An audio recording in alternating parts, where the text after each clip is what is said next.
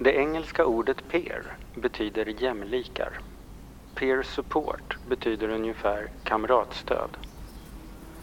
Peer support-projektet som NSPH driver handlar om att personer med egen erfarenhet av psykisk ohälsa anställs i kommuner och landsting för att öka psykiatrins och omsorgens förmåga att skapa förtroende och motivation och för att stärka patienternas och brukarnas återhämtning.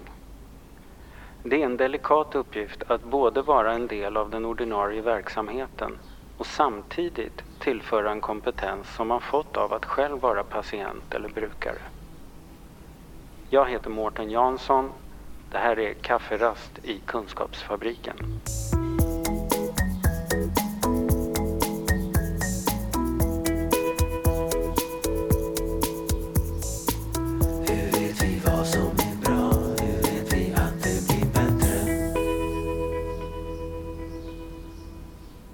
Kafferast i Kunskapsfabriken. Välkommen till Kafferast i Kunskapsfabriken. Klara Karlsson. Hej. Klara med K och Karlsson med C. Ja, visst. Du är peer supporter Ja, ja. Ehm, i Stockholm. i Stockholms stad för Och då, närvarande. var jobbar du då som peer supporter? Eh, jag jobbar på Alfa ehm, som för närvarande tillhör arbetsmarknadsförvaltningen. Mm. Eh, vi jobbar med det som kallas för socialpsykiatrins målgrupp. Mm. Ehm, personer med olika diagnoser i psykisk ohälsa-området som Mm. det kallas. ehm, som vill ha tillgång till ett arbetsliv som alla andra. Ja. Vad är din roll där?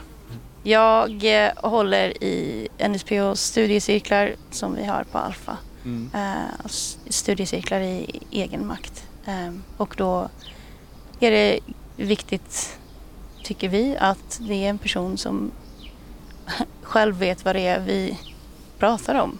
Vad det är man kan vara med om och hur det känns och vad det kan vara som är svårt. Som är, kanske inte går att gissa sig till. Ehm, så då är jag öppen med att jag har egna erfarenheter av att ha olika psykiatriska diagnoser och vad det innebär och vilken resa man måste kanske ta sig igenom Mm. för att komma tillbaks till det vanliga livet. Hur ser din resa ut? Den som du har samlat på dig så att säga.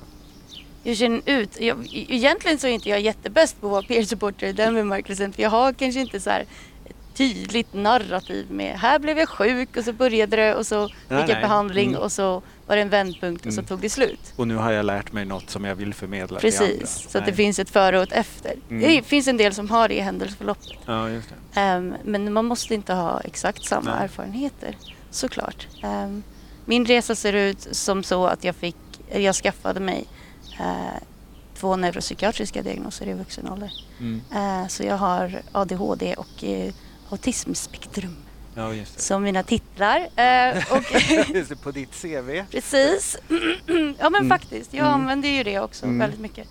Eller det är ju det jag använder professionellt Mm. som min spetskompetens. Är det också bland de du möter nu i, din, i ditt arbete som peer supporter på Alfa? Eh, är, det, är det vanligt förekommande bland de du möter också? Att man har någon form av neuropsykiatrisk Ja, det är problematik? jättevanligt. Mm. Ehm, naturligtvis. Eh, nu jobbar vi med socialpsykiatrins målgrupp som det heter och då ingår ju ADHD i det Ja, just av det. någon anledning. Mm. Medan autismspektrum är LSS-gruppen. Ja, precis, i en egen grupp. Och Mm. då ska det vara uppdelat på olika sätt i den samhällsstrukturen som vi har. Vilket är lite rörigt. Ehm, för egentligen så, så hänger ju de här grupperna ihop jättemycket på Ja. massa olika sätt.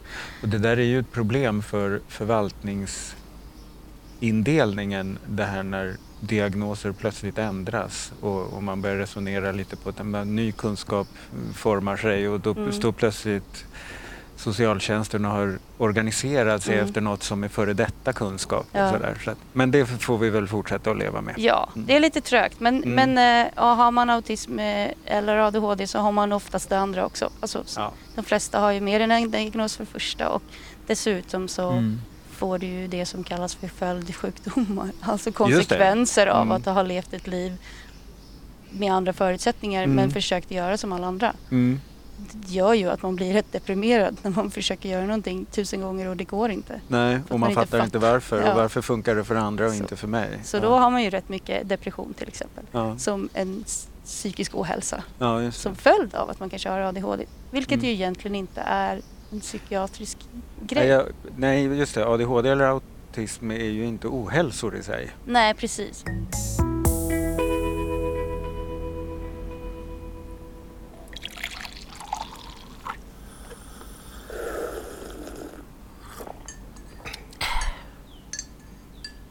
Har du neuropsykiatriska em, funktionsvarianter så blir du ju inte sjuk vid ett tillfälle och sen har du tillfrisknar du. Du har inte skov Nej. eftersom det är en funktionsnedsättning som det kallas. det.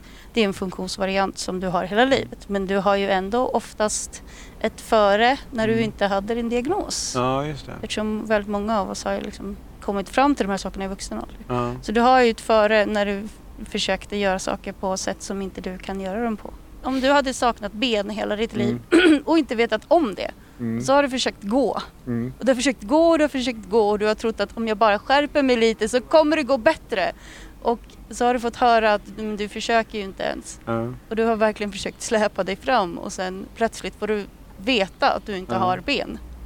Då kan du lösa ditt problem med att ta dig fram jätteenkelt. Just det. Och då tänker jag att när man kommer till den där punkten när man förstår att ja, men det är ju inte försöka gå jag ska göra. Jag behöver göra det på något annat sätt. Ja, precis. Det är ju både en, en upptäckt som kan ge energi och skapa möjligheter. Mm. Samtidigt som jag gissar att det också är en, att det finns massa sorg i det. Mm, Att förstå att jag inte var som de andra. Det fanns inte något sätt för mig att gå på. Jag Mm. har, Ja, och det är ju en process som, Mm. som vi alla måste gå igenom. Det tycker jag faktiskt det är, det är intressant att du lyfter fram det, för det är en bit som jag skulle vilja att man pratade mer om. Faktiskt. själva sorgen Vad det gäller det. återhämtning. För, Ja. för en stor bit för mig var, jag formulerade det till slut för mig själv, att jag sörjer den Mm. person jag trodde att jag kunde vara. Ja. Och plötsligt måste jag inse mina begränsningar på en massa olika sätt. Mm. Och det är ju också så att man, man har ju någon slags självbild innan eh, som, som både har bra och dåliga saker.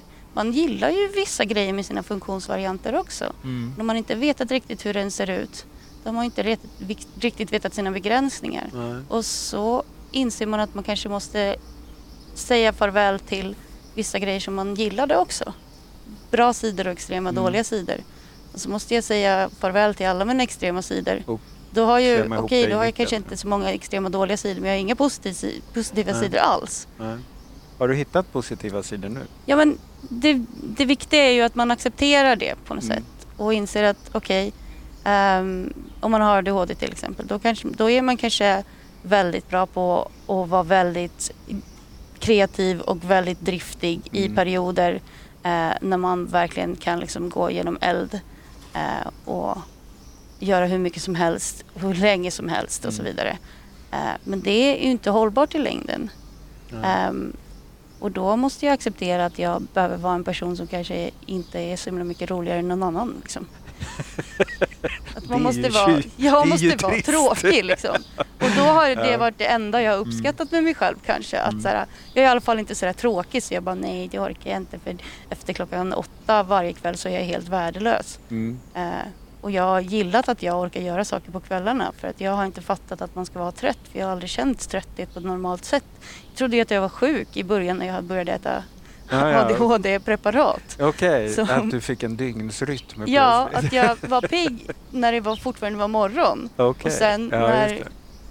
Effekten gick ut så var jag ju trött, vilket är effekten som man brukar Mm. få av att ha levt en dag till Mm. i livet. Just det. Jag bara, vad, det- jag, Vad ska det vi hålla det på med det vara- Jag för? känner mig lite krasslig. Ja, det. Varenda kväll vid 8-9. Mm. Ehm, Välkommen till Ja. svennelivet. men då fick jag inse Mm. att jag kommer ju aldrig mer kunna sitta och ha jättemånga stora projekt hela kvällarna.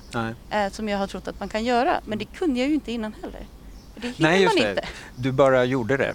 Mm. Jag bara gjorde det Ja, och trodde att man Men kunde det hinna ingen, det. det var ingen bra grej för dig Nej. då heller. Alltså det, det är inte hållbart i längden att sitta uppe hela natten och pyssla med något. Liksom. Mm. Man måste ju också sova. Tycker du att du ser... ehm, eller rättare sagt så här. Vi pratade ju, satt ju och pratade här innan om våra studiecirkelmaterial och ett som heter Din egen makt. Mm. Eh, och och konstaterade att det är ju inte ett material som prompt handlar om att skaffa egen makt för att man har haft en psykisk ohälsa utan mer som att det är en, ett material som handlar om att utveckla konsten att komma igen oavsett vad man Mm. har råkat ut för. Ja.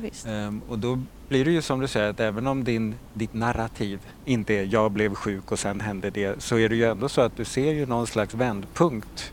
Även om den kan vara lite uttöjd och så, så, så finns det ju någonting som har gjort att det du föreställde dig var livet kom av sig. Mm. Och, vad, och hur hittar man den där nya orienteringen? ja. liksom? Ja, men det, det är verkligen så någon form av nyorientering. Mm. Det är ju Mm. också kanske ett begrepp som Ja, det kan vara finns. större än Ja. än vad Mm. vi pratar om här. Men, men eh, ja, och det är ju också något som man kan prata om när man pratar om återhämtning. Men det handlar väl kanske om att återskapa sin identitet. Sin idé om hur man ska leva sitt Ja. liv och ha en vardag och fungera i samhället som alla andra. Just För det, man matas ju med en, en bild av, en variant Ja. av hur man ska leva. Liksom. Och sen, Eller om man 30 av någon som inte går att uppnå. ja men typ. Men det finns ju liksom någon slags scenario av vad man gör i livet. Man blir ju liksom ställd inför en variant Mm. och så förväntas man göra den och så, så får man se om man lyckas liksom. Men man vet inte på vilka andra sätt man kanske behöver göra det.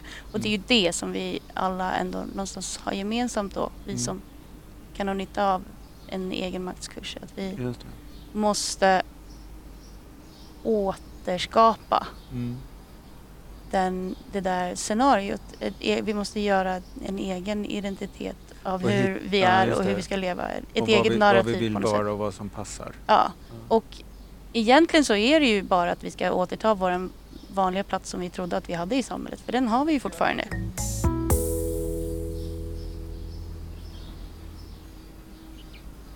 Känner du igen dig i många du träffar? Alltså, jag, Eller de, att de är i någon slags fas där du tycker att du har varit? ja, men det kan man ju göra med alla människor man träffar faktiskt. Mm. På vissa sätt. Men absolut, det, det är väl det som är behållningen. Om, det, om man känner igen att någon är i en fas som man själv har upplevt Mm. och varit tvungen att, att gå igenom och bearbeta och sen lämna och kommit ut på andra sidan. Mm. Ehm, då kan man ju kanske inge hopp Mm. för den som är mitt i det där. Det. Eh, och det är också så att det blir ju mycket lättare relation att ha att göra med om du är personen som är mitt inne i dina problem. Mm. Eh, och så ska du liksom bli hjälpt av någon. Så i de gängse varianterna som finns i samhället med olika stödfunktioner så ingår det också ofta någon bild av att man känner sig lite underlägsen. Det är någon som har Mm. läst i en bok hur man ska behandla Mm. sådana som mig. Liksom. Mm. Det är någon som är doktor och jag är patient. Där kan du ha ett annat perspektiv. Ja, om du har att göra med någon som, som själv har varit liksom, i det här scenariot Mm. som själv har gått igenom det du gör. Då måste du inte känna dig som en, en person som har haft otur och är en stackare. Liksom. Nej, just Det det. blir som en du- helt annan maktbalans. Mm. Man känner sig mer neutral liksom, inför en, en person som man kan kanske känna igen sig i eller Mm. relatera till. På- Eller få förtroende för Ja, kanske. också. lite så. Ja. säger inte att man inte kan förtro- få förtroende för en läkare men eh, Nej, det kan man ju självklart få. Men det Ehm, kanske är lättare att känna att man Ja. kan ta makt över sitt eget liv om det inte är så att det står en fröken och berättar för en att man ska ta tag i sitt liv själv. Då gör man ju inte det liksom. Jag tror att den här yrkesrollen på ett sätt är det mycket svårare än typ alla andra yrkesroller inom de här områdena. För Mm. att vi har faktiskt typ inga exempel Nej. att luta oss mot och eh, väldigt lite liksom, referenser och väldigt lite backup. Och alla saker som man kan luta sig på i de andra rollerna är borttagna från det här. Mm. Det, det blir en helt annan typ av gränsdragningar som måste göra. Men det är Mm. lika viktigt att ha, dra gränser som i alla andra typer av yrkesroller där du, som bygger på en relation. Mm. Det är precis lika viktigt med gränser och att de eh, hanteras på ett bra sätt men jag kan inte bara dra gränserna på samma sätt som alla Nej. andra brukar göra. Det. Eh, och varenda detalj som man kanske bara kan luta sig mot, upplever jag, kan jag inte använda på det sättet. Nej. Eh, blir ju väldigt mycket att bära. Ja. Eh, och i det så, så är det svårt att jämföra sig med någon överhuvudtaget. Så, Men det, och det är också spännande nu när vi har de här projekten där vi kan få ut ganska mycket peer supportrar i olika verksamheter. Mm. Att lyssna in alla era olika erfarenheter av hur det har funkat på olika ställen. Både hur ni själva upplevt det, hur ni upplever att det har tagits emot av brukare eller av personal och sådär. men det är ju viktigt naturligtvis att man jobbar i en verksamhet där det här är önskvärt. Hur vet vi vad som är bra? Hur vet vi att det blir bättre? Det är ju naturligtvis inte nyttigt för någon att vara ensam Nej. fanbärare och pionjär Mm. och vägbanare och allting hur länge som helst. Det behöver liksom finnas någon slags överenskommelse om vad vi som jobbar med det här ska veta. Mm. Och då måste vi ju kolla av att vi alla vet det och att vi liksom får stöd av andra i samma yrkesroller. Mm. Eh, Samt att vi också jobbar mot att etablera det här långsiktigt. Just det. Ehm, och det är ju också helt omöjligt att göra som enskild individ här och Mm. vara ute i landet utan något sammanhang. Så det Behöver ju borde ju kännas stärkande att man vet att man ingår i en rörelse. Ja, ja. Alltså om rörelsen ska komma någonstans så måste vi ju det. ja. Det kan inte vara ett projekt här och ett projekt där som utmynnar i en rapport som någon kanske berättar om på ett seminarium och sen är det slut. Nu måste vi samla ihop det här Mm. och, och liksom organisera oss.